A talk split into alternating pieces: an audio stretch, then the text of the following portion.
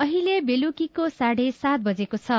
सामुदायिक सूचना नेटवर्क सीआईएनबाट अब प्रसारण हुँदैछ साझा खबर।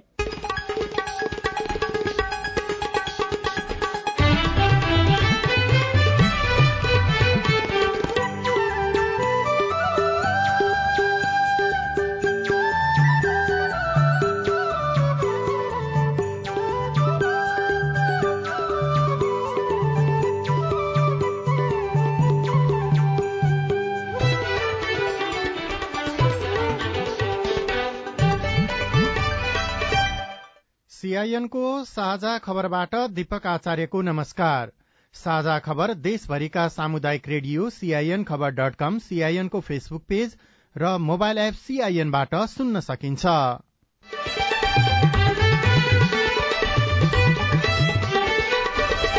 युएलाई हराएसँगै नेपालको एक दिवसीय मान्यता जोगियो। बाँकी दुई खेल जिते विश्वकपमा पुग्ने पछिल्लो सात महिनामा वैदेशिक मुद्रा संचिति झण्डै चौध प्रतिशतले बढ़्यो। अर्थतन्त्र सुधार उन्मुख रहेको प्रधानमन्त्रीको भनाए देशको अर्थतन्त्र अहिले सजिलो अवस्थामा छैन तर स्थिति धेरै आत्तिहाल्नु पर्ने पनि होइन। उपराष्ट्रपति निर्वाचनको विषयमा नौदलीय गठबन्धनमा खटपट चारैजनाको उम्मेद्वारी कायम। कानून बनाएर शान्ति प्रक्रियाका बाँकी काम पूरा गर्न माओवादी धारका नौ राजनीतिक दलको माग। सम्पूर्ण राजनीतिक दल नागरिक समाज एवं आम जनसमुदायलाई संकरणकालीन न्यायका पक्षमा ऐक्यबद्धताका लागि हार्दिक अपील गर्दछौ। सिन्धुलीमा बस दुर्घटना हुँदा छ जनाको मृत्यु। हिउँदे वर्षा नहुँदा ताप्लेजुङमा अलैंची बगान सुक्न थाले। महोत्तरीमा खानेपानीको मुहान सुकेपछि स्थानीय चिन्तित। अधिकार प्राप्तिका लागि महिलाहरूको चासो बढ्दो। नेपालको संविधानको कानूनमा महिलाको अधिकार के छ भन्ने थाहा छैन। यसको बारेमा महिलाहरूले कहाँबाट जानकारी पाउँछन्? कुन निकायले दिन्छ? र ए डिभिजन लिग फुटबलमा आजका दुवै खेल बराबरीमा।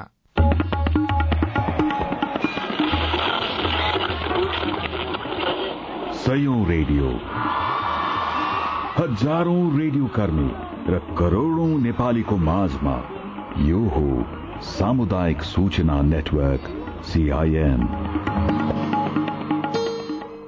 लिङ्ग पहिचान गरेर छोरी भए भ्रूण हत्या गर्नेहरूको संख्या भारतसँगै नेपालमा पनि निकै बढ़ेको छ। बाह्र हप्तासम्मको गर्भलाई पतन गर्न पाउने कानूनी व्यवस्थाको गलत प्रयोग गरेर पटक पटक भ्रूण हत्या गरेर छोरा पाउने प्रवृत्ति बढ़ेकाले यसलाई रोक्नु पर्दछ। साथै छोरा नै चाहिन्छ भने पुरातनवादी सोचमा परिवर्तन गर्ने अभियान निरन्तर चलाउनु पर्दछ। अब खबर राजन रुचालबाट। नेपालले क्रिकेटको एक दिवसीय मान्यता जोगाएको छ। विश्वकप क्रिकेट लीग टू अन्तर्गत आज युएईलाई एक सय सतहत्तर रनले हराएसँगै नेपालको एक दिवसीय मान्यता जोगिएको हो। नेपालले सन् दुई हजार अठारमा पहिलो पटक एक दिवसीय मान्यता पाएको थियो। अब थप चार वर्षका लागि नेपाल एक दिवसीय टीमको मान्यता कायमै राखेको छ। आजको खेलमा टस जितेर पहिले ब्याटिङ गर्दै दुई सय उन्चास रनको लक्ष्य प्रस्तुत गरेको नेपालले युएईलाई तेइसौं ओभरमा मात्रै एकहत्तर रनमा समेटेको थियो।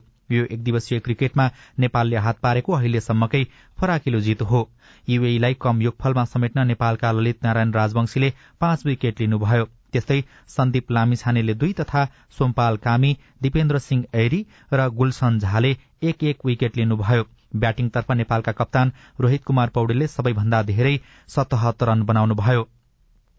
त्यस्तै आरिफ शेखले त्रिचालिस गुलसन झाले सैतिस दिपेन्द्र सिंह एरीले चौतिस र भीम सार्कीले उन्तिस रन बनाउनु भएको थियो। अब नेपालले श्रृंखलाको अर्को खेलमा भोलि पपुवा न्यूगिनीसँग खेल्नेछ। नेपालले बाँकी रहेका दुवै खेल जितेमा विश्वकप छनौटमा सिधै स्थान बनाउनेछ। पछिल्लो सात महिनामा देशको वैदेशिक मुद्रा संचिति तेह्र दशमलव आठ प्रतिशतले बढ़ेको छ। राष्ट्र बैंकले सार्वजनिक गरेको चालू आर्थिक वर्षको साउनदेखि माघसम्मको वित्तीय विवरण अनुसार कुल तेह्र खर्ब त्रियासी अर्ब तेत्तीस करोड़ रूपियाँ बराबरको विदेशी मुद्रा संचित रहेको छ। गत असार मसान्तमा बाह्र खर्ब पन्ध्र अर्ब अस्सी करोड़ बराबर यस्तो संचित रहेकोमा सात महिनामा तेह्र दशमलव आठ प्रतिशतले बढ़ेको बताइएको छ। चालू आर्थिक वर्षको सात महिनाको आयातलाई आधार मान्दा अहिलेको संचितिले दश दशमलव आठ महिनाको वस्तु आयात र नौ दशमलव चार महिनाको वस्तु तथा सेवा आयात धान्न पर्याप्त रहने राष्ट्र बैंकका प्रवक्ता गुणाकर भट्टले सीआईएनसँग बताउनुभयो। विदेशी विनिमय संस्कृतिमा उल्लेख्य सुधार भएको छ। गत वर्ष यो बेलामा हेर्दाखेरि विदेशी विनिमय संस्कृतिमा ठुलो दबाव परेको अवस्था थियो। गत वर्षको सात महिनाको तथ्याङ्क हेर्दा दुई सय सत्तालिस अर्बले शोधनान्तर घाटामा रहेको अवस्था थियो। शोधनान्तर घाटा भन्ने बित्तिकै विदेशबाट नेपाल आउने भन्दा पनि नेपालबाट बाहिर जाने रकम बढी भएको अवस्था हो। अर्थात् दुई सय सत्तालिस अर्ब बाहिर गएको थियो भने यो आर्थिक वर्षको सात महिनामा आइपुग्दा एक सय तेत्तिस अर्बले हाम्रो शोधनान्तर बचतमा रहेको छ। यो उल्लेख्य सुधार हो। यसैबीच प्रधानमन्त्री पुष्पकमल दाहाल प्रचण्डले बैंकको ब्याज दरलाई एकल बिन्दुमा सीमित राखिने बताउनु भएको छ। आज काठमाण्डुमा आयोजित एक कार्यक्रममा उहाँले ब्याज दर एक बिन्दुमा सीमित राख्नका लागि आफूले राष्ट्र बैंक र सम्बद्ध पदाधिकारीहरूसँग छलफल गरी आवश्यक निर्देशन दिइसकेको समेत बताउनुभयो। साथै प्रचण्डले देशको अर्थतन्त्र सहज नरहे पनि आत्तिहाल्नुपर्ने अवस्था नभएको बताउनुभयो। देशको अर्थतन्त्र अहिले सजिलो अवस्थामा छैन तर स्थिति धेरै आत्तिहाल्नु पर्ने पनि होइन छैन। गत वर्ष हामीसँग वैदेशिक मुद्रा सञ्चितमा रास आउँदा कतै देश आर्थिक संकटको भयानक भूमरीमा परिपो हाल्ने हो कि त्यसले सिङ्गो देशको स्वाधीनता र अस्तित्व नै संकटमा पर्ने हो कि भन्ने जस्तो परिस्थिति थियो। तर बाह्य क्षेत्र सन्तुलनमा राख्न तत्कालीन अवस्थामा लिएका नीतिहरूका कारणले गर्दा त्यस्तो खतराको सम्भावना टरेको छ। उपराष्ट्रपति निर्वाचनको विषयमा नौदलीय गठबन्धनमा खटपट देखिएको छ। निर्वाचनमा गठबन्धन भित्रैबाट तीनजनाको उम्मेद्वारी कायम भएको छ। गठबन्धनमा जनता समाजवादी पार्टी जसपालाई उपराष्ट्रपति दिने सहमति भए पनि जसपा भित्रैबाट दुईजना उम्मेद्वार भएका छन्। अर्को दल जनमत पार्टीले पनि निर्वाचनमा आफ्नो उम्मेद्वार उठाएको छ। उपराष्ट्रपति पदका लागि जसपाबाट राम सहाय प्रसाद यादव प्रमिला कुमारी र एमालेबाट अष्टलक्ष्मी साक्य तथा जनमत पार्टीका ममता झाले उम्मेद्वारी दिनुभएको छ। निर्वाचन अधिकृतको कार्यालयले आज अन्तिम नामावली प्रकाशन गर्दै चारजनाको उम्मेद्वारी कायम रहेको जनाएको छ। जसपाले प्रमिला कुमारीको उम्मेद्वारी फिर्ता लिएर राम सहाय प्रसादको मात्रै कायम राख्ने गरी तयारी गरेको थियो। त्यसका लागि अध्यक्ष उपेन्द्र यादवले पार्टीका शीर्ष नेताहरू तथा सत्ता गठबन्धनका नेताहरूसँग छलफल गर्नुभएको थियो। छलफलमा सहभागी राजनैतिक दलका नेताहरूका अनुसार राष्ट्रपतिमा रामचन्द्र पौडेल निर्वाचित भइसकेको र उपराष्ट्रपति महिला हुनै पर्ने मागसहित सर्वोच्चमा मुद्दा पर्ने कुरा उठेपछि दुवैको उम्मेद्वारी कायम राख्ने निर्णय भएको नेता प्रदीप यादवले सीआईएनलाई जानकारी दिनुभयो।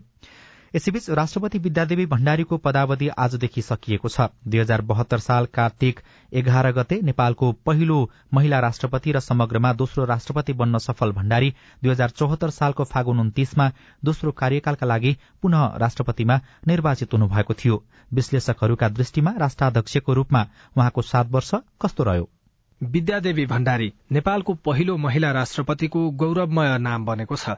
गणतन्त्रको लामो अभ्यास गरिसकेका देशमा समेत सम्भव नभएको यो उपलब्धि नेपालकै लागि पनि गौरवको विषय हो। तर सात वर्षको उहाँको कार्यकालमा राष्ट्रपतिको भूमिका क्षेत्राधिकार लगायत विषयमा गम्भीर प्रश्नहरू उठे।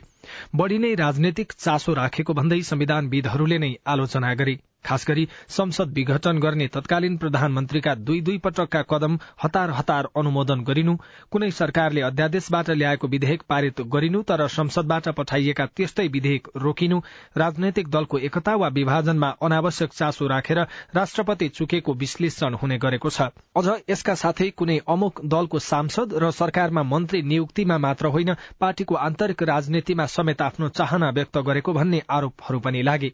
संविधानले नै स्पष्ट गरेको राष्ट्रपतिको भूमिकाको कसीबाट हेर्दा राष्ट्रपति भण्डारीको कार्यकाल कस्तो रह्यो? संवैधानिक कानूनका जानकार डाक्टर भीमार्जुन आचार्य। संविधानले उसलाई संविधानकै संरक्षक नागरिककै संरक्षक अभिभावक माने हुनाले उसको जिम्मेवारी ठुलो हुन्छ। त्यो सबै अलिकति लाग्छ वर्षौंको सक्रिय राजनीतिक अभ्यासको अनुभव भए पनि राष्ट्रपति पद तटस्थ र स्वतन्त्र हुनुपर्ने मान्यता छ। तर नेपालका दुवैजना राष्ट्रपति विगतमा आफू निकट रहेको दलसँगको निकटताबाट बाहिर निस्कन नसकेको देखिन्छ। पहिलो राष्ट्रपति डाक्टर रामवरण यादवको कार्यकालमा देखिएको यसको झल्को भण्डारीको कार्यकालमा पनि घटेन बरू बढ़्यो। एउटा संवैधानिक संस्थालाई दलहरूले आफू अनुकूलमा प्रयोग गर्न सक्ने देखिएपछि राष्ट्रपतिलाई राजनीतिको एक सक्रिय सरोकारवालाका रूपमा उपयोग गर्न खोजिएको विश्लेषकहरूको ठम्ब्याइ छ। राजनीति शास्त्रका प्राध्यापक लोकराज बराल उहाँको सबभन्दा ठुलो सल्लाहकार भनेकै मन्त्री परिषद हो। तर यहाँ चाहिँ के भइदियो भने राष्ट्रपति अलगै एउटा शक्तिशाली केन्द्रको रूपमा चाहिँ स्थापित हुन खोजेको देखिन्छ। त्यो चाहिँ अहिलेको संविधानको चाहना अनुसारको विपरीत हो त्यो। वर्षौं लामो पारिवारिक विरासत तोडेर नागरिक प्रतिनिधिका रूपमा राष्ट्रपति चुनिने प्रणाली अर्थात गणतन्त्रमा राष्ट्र प्रमुखको भूमिका समग्र प्रणालीकै प्रतिविम्बका रूपमा रहन्छ। त्यसैले पनि राष्ट्रपति उपराष्ट्रपति प्रधानमन्त्री मन्त्री लगायत पदमा पुग्ने व्यक्तिको भूमिका केवल उक्त संस्था वा निकायको मात्र नभई समग्र राजनैतिक व्यवस्थाकै उदाहरण मानेर हेरिनु र व्याख्या गरिनु अस्वाभाविक होइन। त्यसैले पनि नयाँ राष्ट्रपतिले आफूभन्दा अघिका राष्ट्रपतिका पालामा उठेका प्रश्नहरूबाट शिक्षा लिन सक्नुपर्छ। अविनाश आचार्य सीआईएन काठमाडौँ। मध्य पहाड़ी राजमार्ग अन्तर्गत सिन्धुलीको फिक्कल गाउँपालिका चारको कुइभिरमा आज भएको यात्रुवाहक बस दुर्घटनामा परि मृत्यु भएका छ जना मध्ये तीनजनाको शनाखत भएको छ। शनाखत हुनेमा ओखलढुङ्गाको माने भन्ज्याङ गाउँपालिका छका चौविस वर्षका देवबहादुर सार्की सिद्धिचरण नगरपालिका तीनका बत्तीस वर्षका पेशल भुजेल र कटारी नगरपालिका दुई उदयपुरका पैंतिस वर्षका कुमारी मगर रहेको जिल्ला प्रहरी कार्यालय सिन्धुलीले जनाएको छ। बाँकी तीनजनाको भने शनाखत हुन सकेको छैन। प्रहरीका अनुसार तीसजना घाइते मध्ये तीनजनाको अवस्था गम्भीर रहेको छ। ओखलढुङ्गाको रुम्जाटारबाट काठमाडौँ आउँदै गरेको बस आज बिहान दुर्घटनामा परेको थियो। साझा खबरमा अब खेल खबर। शहीद स्मारक ए डिभिजन लीग फुटबलमा मनाङ मर्स्याङदी क्लब र मछिन्द्र क्लबले बराबरी खेल्दै अङ्क बाँडेका छन्। एम्फा कम्प्लेक्स सातो बाटोमा आज भएको खेलमा मनाङ र मछिन्द्रले गोलरहित बराबरी खेलेका हुन्। बराबरीसँगै मनाङले तीन खेलमा पाँच अङ्क जोडेको छ भने मछिन्द्रले तीन खेलमा एक अङ्क जोड्न सफल भएको छ। त्यस्तै आजै भएको अर्को खेलमा निवरोड टीम एनआरटी र त्रिभुवन आर्मी क्लबले पनि तीन तीन गोलको बराबरी खेलेका छन्। बराबरीसँगै एनआरटीले तीन खेलमा एक अङ्क जोडेको छ भने आर्मीले समान खेलबाट पाँच अङ्क जोडेको छ। र एएफसी बीस वर्ष मुनिको महिला एसियन कप छनौटको दोस्रो खेलमा नेपालले अहिले नर्दन मारियाना आइल्याण्डसँग प्रतिस्पर्धा गरिरहेको छ। खेलको पहिलो हाफ सकिँदासम्म नेपाल चार शून्यले अघि रहेको छ। राजन रुचाल।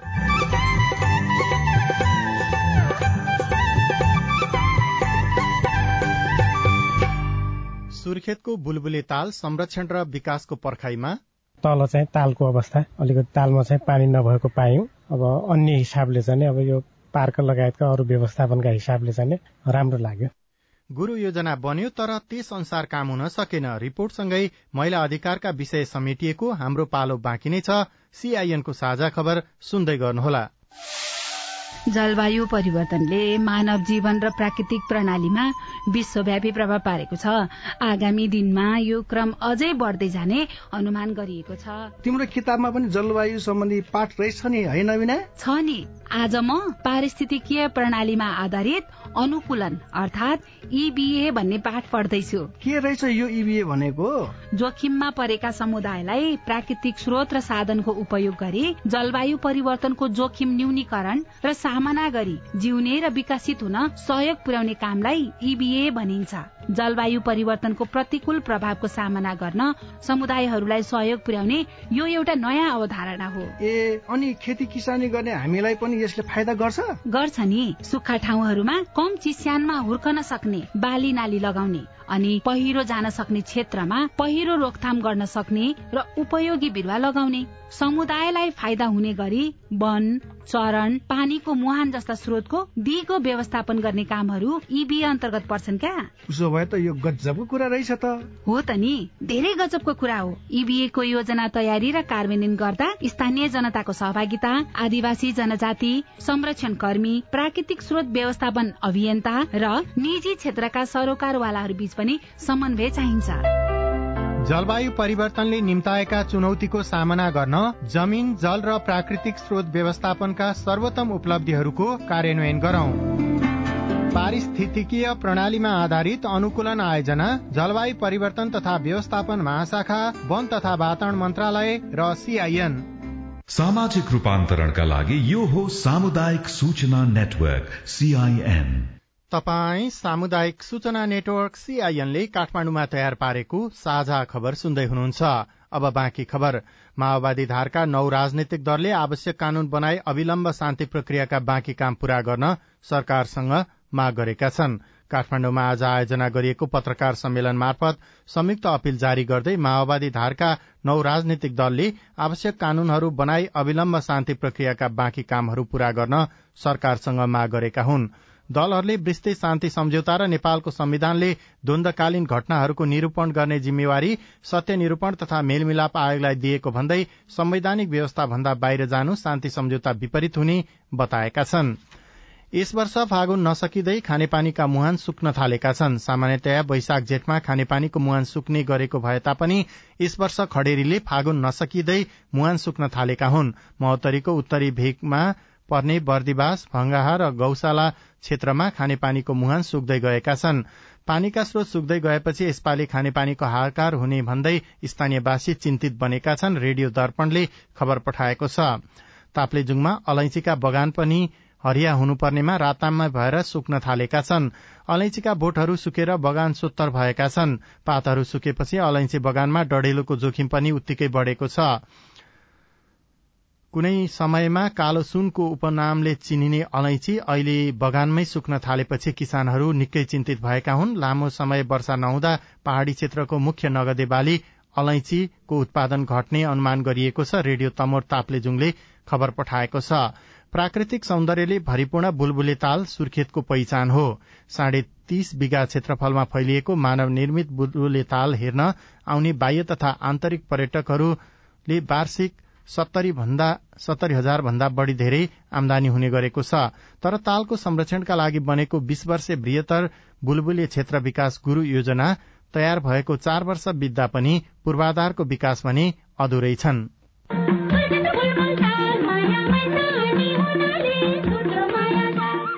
ऐतिहासिक महत्व बोकेको पर्यटकीय क्षेत्र बुलबुले ताललाई समेट्दै कैयौं गीतहरू रेकर्ड भएका छन्।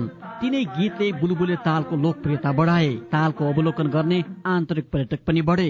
दुई हजार तीसको दशक यता सुर्खेत आएका प्राय सबै बुलबुले ताल नहेरी फर्किँदैनन्। काम विशेषले सुर्खेत आएका सल्यानका जीवराज केसी। अब त्यहाँ तल चाहिँ तालको अवस्था। अलिकति तालमा चाहिँ पानी नभएको पायौँ। अब अन्य हिसाबले चाहिँ अब यो पार्क लगायतका अरू व्यवस्थापनका हिसाबले चाहिँ राम्रो लाग्यो। दुई हजार उन्तिस सालदेखि सरकारी तौरबाट बुलबुलेको संरक्षण हुन थालेको हो। दैनिक तीन सय भन्दा बढी आन्तरिक पर्यटक बुलबुले ताल पुग्छन्। हिउँदमा वनभोजको लागि आउनेहरूको पनि घैँचो लाग्छ। तर कतिपय बुलबुले सोचे जस्तो व्यवस्थित नभएको गुनासो गर्छन्। सल्यानबाटै आउनु भएका बसन्ता जीसी पानी पनि त्यहाँ सुकेछ तालमा होइन? अहिले पानी पनि छैन। पहिला चाहिँ पानी थियो डुङ्गा लाग्थ्यो धेरै रमाइलो थियो। तर अहिले पनि छ छन त होइन? तर बाह्र वर्ष अगाडि र अहिलेमा चाहिँ धेरै फरक छ क्या धेरै डिफ्रेन्स छ होइन? त्यही भएर पनि अलि राम्रो गराइदिएर यो सरकारले चाहिँ व्यवस्थित गरिदिएपछि होइन? यहाँ आउने पर्यटकीयहरू चाहिँ एकदमै लोभिन्थे झन् बढी यहाँ पर्यटकीय क्षेत्रमा प्रवेश गर्दाखेरि चाहिँ सबैलाई आकर्षित गर्थ्यो होइन? बुलबुले ताल कर्णाली प्रदेशकै प्रमुख पर्यटकीय गन्तव्य मध्येको एउटा हो। तर बुलबुले उद्यानभित्र रहेको तालको मर्मत सम्भार भएको छैन भने वरिपरि झारै झारले घेरिएको छ। सुर्खेतको बेतानका नरबहादुर आले मगर। टाढाबाट सुन्ने मान्छेलाई त कस्तो होला भन्ने एक कौतुक त लागेको हुन्छ नि त।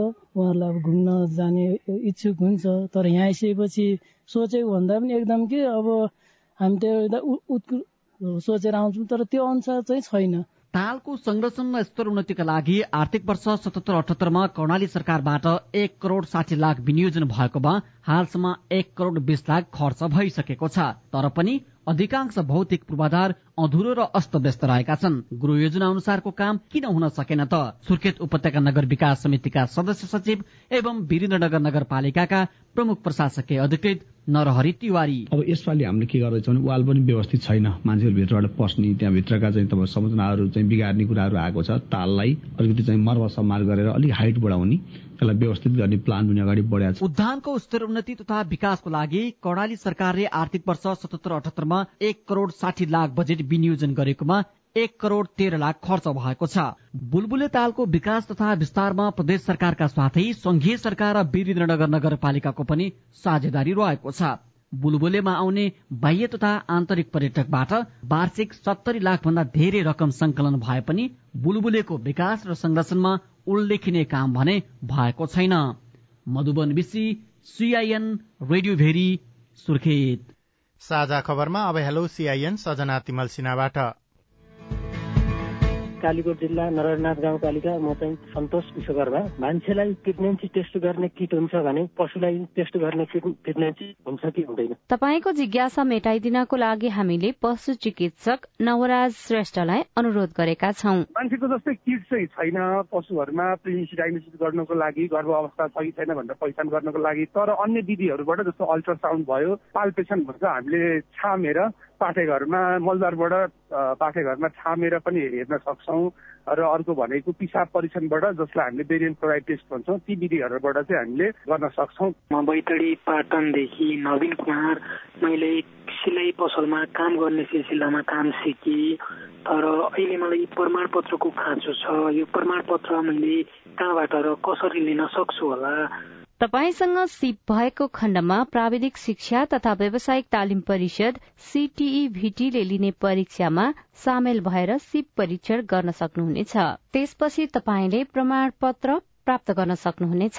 तपाई जुनसुकै बेला हाम्रो टेलिफोन नम्बर शून्य एक बान्न साठी छ चार छमा फोन गरेर आफ्नो प्रश्न जिज्ञासा विचार अनि गुनासो रेकर्ड गर्न सक्नुहुनेछ।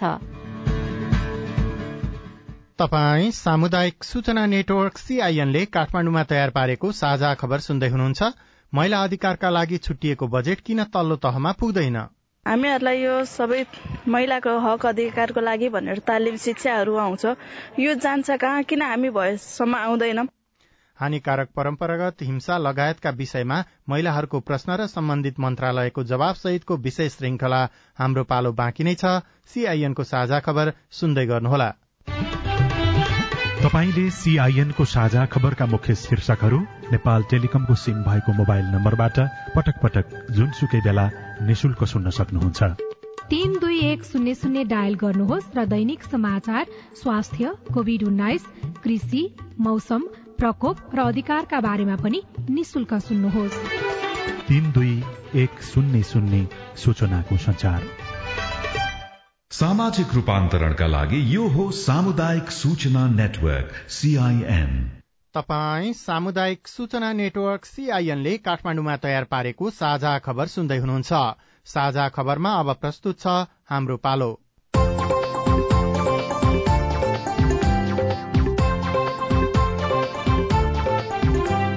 नमस्कार म सुशीला। पालो नपाएकाहरूको पालो कार्यक्रम हाम्रो पालोमा हामी पछाडि पारिएका समुदाय यौनिक तथा लैंगिक अल्पसंख्यक समुदाय सीमान्तकृत समुदायका साथै महिला बालबालिकाका स्वास्थ्य शिक्षा सुरक्षा र सहभागिता लगायत उनीहरूसँग सरोकार राख्ने विभिन्न सवालमा छलफल गर्नेछौ। साथै सीमान्तकृत र विपदमा परेका समुदायका समस्या र समाधानका लागि उनीहरूको अपेक्षा सरोकारवालासम्म पुर्याउँदै ती सवालको उत्तर खोज्ने प्रयत्न गर्नेछौ।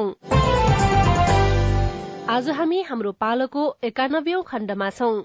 नेपालमा गएको हप्ता एक सय तेह्रौं अन्तर्राष्ट्रिय श्रमिक महिला दिवस विभिन्न कार्यक्रम गरी मनाइयो। ती कार्यक्रम र दिवसले महिला तथा किशोरीहरूको हक अधिकारको वकालत गर्ने गर्छ।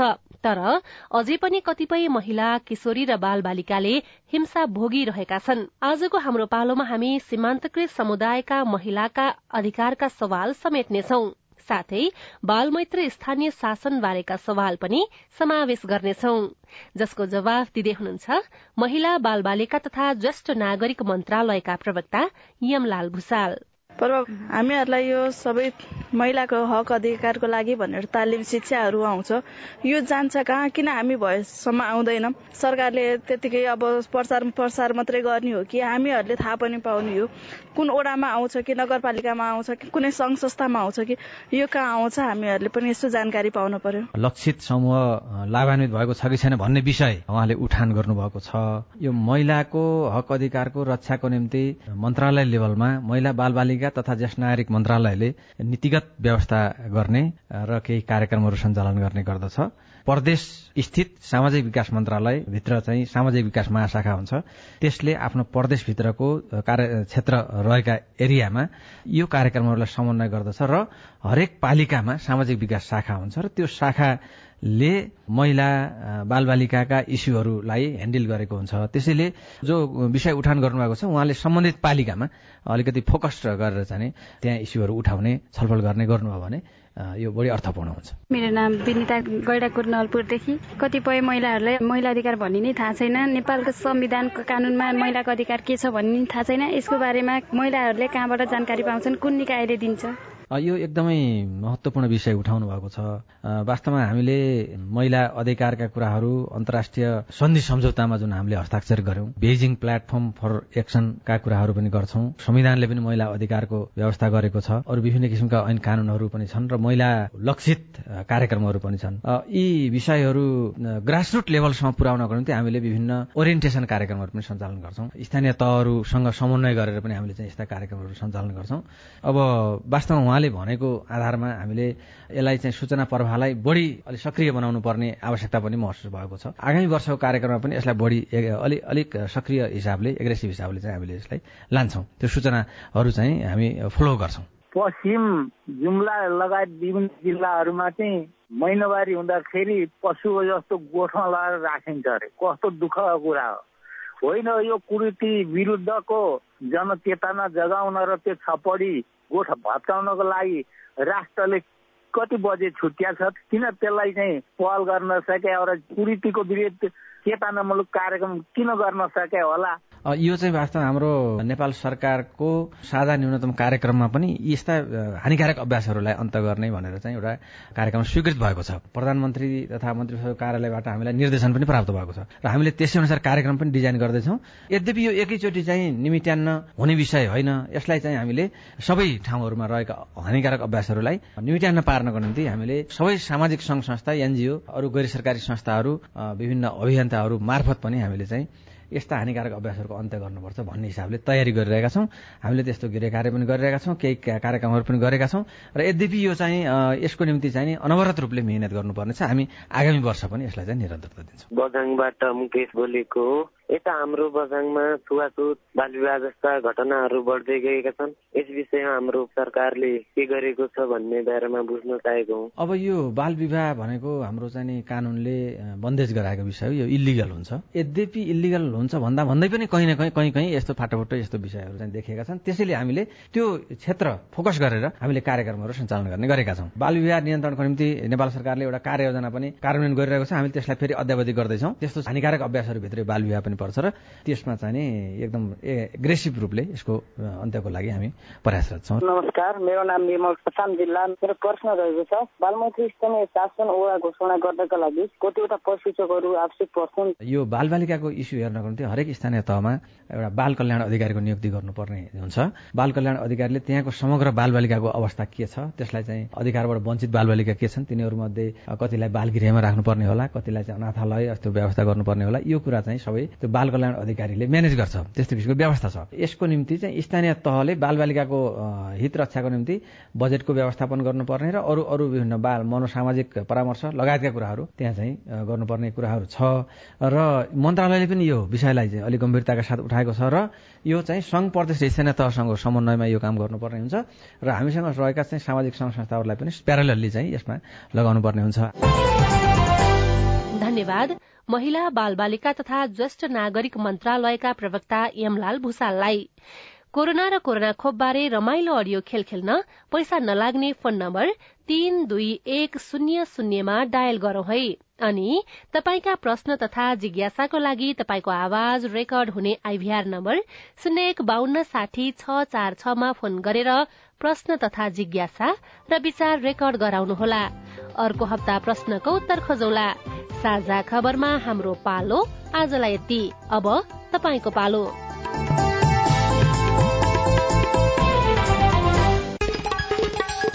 विश्वकप क्रिकेट लीग टू अन्तर्गत आज युएलाई एक सय सतहत्तर रनले हराएर नेपालले एक दिवसीय मान्यता पाएको छ। पछिल्लो सात महिनामा देशको वैदेशिक मुद्रा संचिति तेह्र दशमलव आठ प्रतिशतले बढ़ेको छ। उपराष्ट्रपति निर्वाचनको विषयमा नौदलीय गठबन्धनमा खटपट देखिएको छ। राष्ट्रपति विद्यादेवी भण्डारीको पदावधि आजबाट सकिएको छ। मध्यपहाड़ी राजमार्ग अन्तर्गत सिन्धुलीको फिक्कल गाउँपालिकाको भिरमा आज भएको यात्रुवाहक बस दुर्घटनामा परि मृत्यु भएका मध्ये छ जना मध्ये तीनजनाको शनाखत भएको छ। माओवादी धारका नौ राजनीतिक दलले आवश्यक कानून बनाई अविलम्ब शान्ति प्रक्रियाका बाँकी काम पूरा गर्न सरकारसँग माग गरेका छन्। र शहीद स्मारक ए डिभिजन लीग फुटबलमा मनाङ मस्याङदी क्लब र मछिन्द्र फुटबल क्लबले बराबरी खेल्दै अङ्क बाँडेका छन्। हवस् त आजलाई साझा खबरको समय सकियो। प्राविधिक साथी सुनिल राज भारतलाई धन्यवाद। भोलि फागुन उनातिस गते बिहान छ बजेको साझा खबरमा फेरि भेटौँला।